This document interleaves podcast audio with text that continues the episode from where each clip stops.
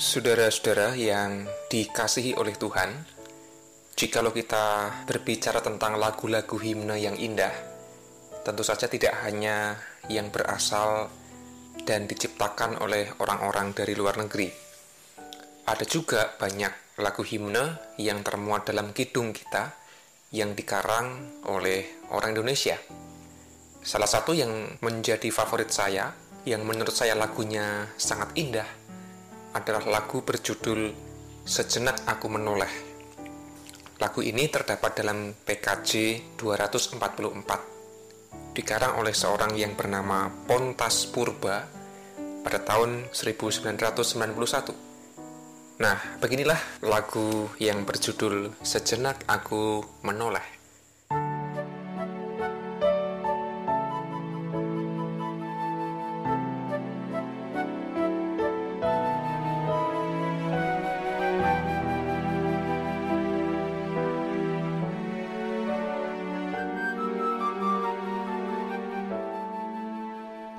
Sejenak aku menoleh pada jalan yang telah ku tempuh Kasih Tuhanku beroleh membuatku tertegun.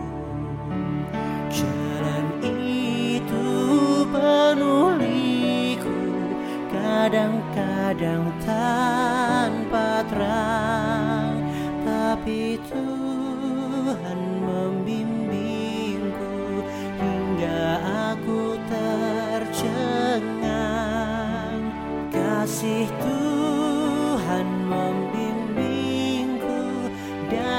dan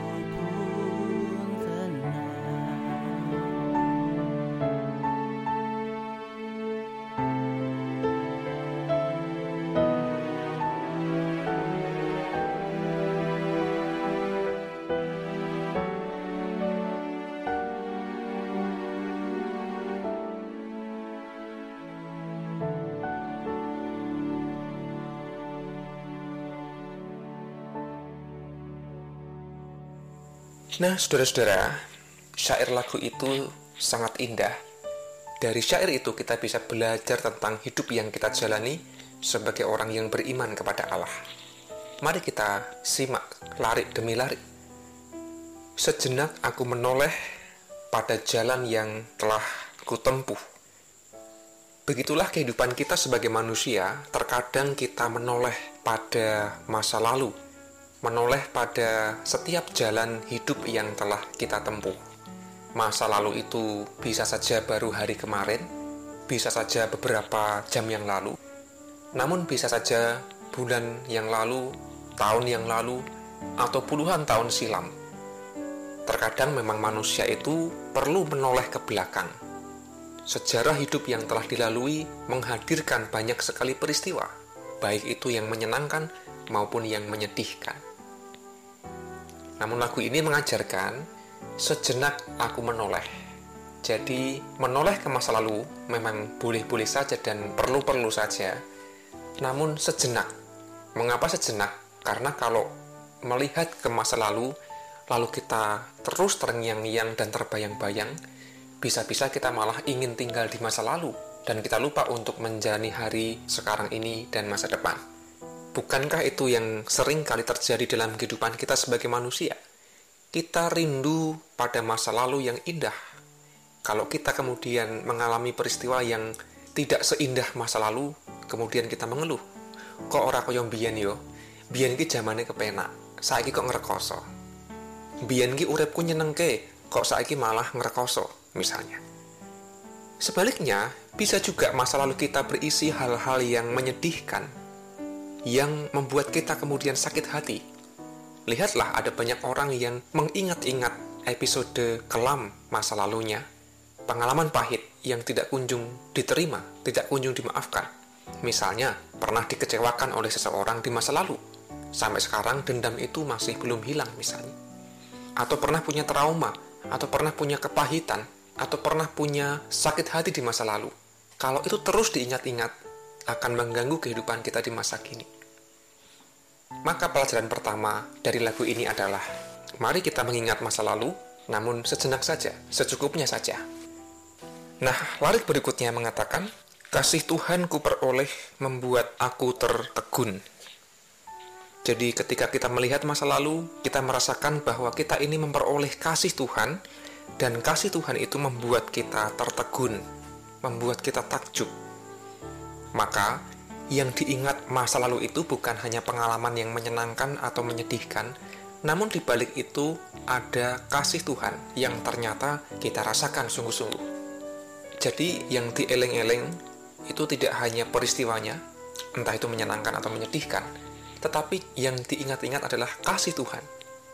Jikalau kita mengingat kasih Tuhan sepanjang hidup kita, pasti kita akan merasa takjub, tertegun, betapa besar kasih Tuhan yang telah dicurahkan. Larik berikutnya, jalan itu penuh liku, kadang-kadang tanpa terang, tapi Tuhan membimbingku hingga aku tercengang. Jadi, di masa lalu maupun masa kini, jalan kehidupan kita, kadang-kadang kita sampai pada titik-titik yang terendah. Kadang-kadang kita sampai pada fase-fase hidup yang tidak mudah ketika pergumulan demi pergumulan itu datang, ketika membuat kita barangkali hampir menyerah atau hampir putus asa, kadang-kadang tanpa terang, kadang-kadang jalan itu gelap, kadang-kadang kita tidak tahu harus memilih jalan yang mana, harus berbuat apa. Tetapi nyatanya Tuhan membimbing kita hingga kita tercengang Meskipun jalan hidup yang kita lalui itu tidak mudah, penuh dengan pergumulan, eh ternyata kasih Tuhan, tangan Tuhan itu membimbing kita. Jadi bimbingan Tuhan, kasih Tuhan itulah yang perlu terus kita ingat, resapi, dan hayati dalam kehidupan kita. Larik yang terakhir, kasih Tuhan membimbingku dan hatiku pun tenang. Kasih Tuhan membimbing kita sehingga hati kita merasa tenang. Saudara-saudara, pesan dari lirik ini menjadi penting bahwa rasa damai, rasa tenang dalam kehidupan kita sebagai manusia bukanlah ketika hidup kita tanpa masalah, bukanlah ketika kita lalu dengan cepat menemukan solusi, bukanlah ketika segala keinginan kita terwujud, melainkan kalau kita menghayati kasih Tuhan membimbing kita, maka hati kita akan merasa tenang, Saudara-saudara, barangkali saat ini kita mengalami kehidupan yang tidak mudah. Barangkali ada rasa khawatir, rasa takut yang masih tinggal dalam hati kita. Barangkali ada dendam yang belum tuntas. Barangkali kita belum bisa mengampuni orang yang bersalah kepada kita. Barangkali kita masih tinggal dalam penyesalan di masa lalu. Atau barangkali kita mengalami ketakutan di masa depan. Maka yakinlah Tuhan selalu membimbing kita. Keyakinan itu akan membuat kita senantiasa merasa tenang. Sejenak aku menoleh.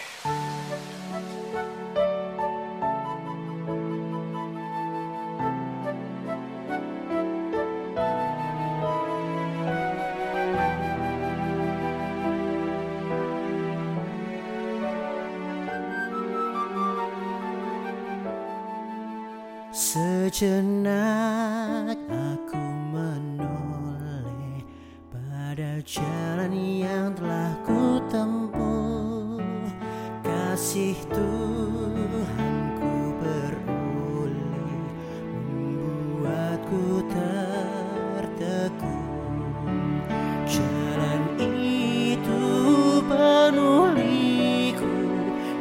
Kadang-kadang tanpa terang Tapi Tuhan membimbingku Hingga aku tercengang.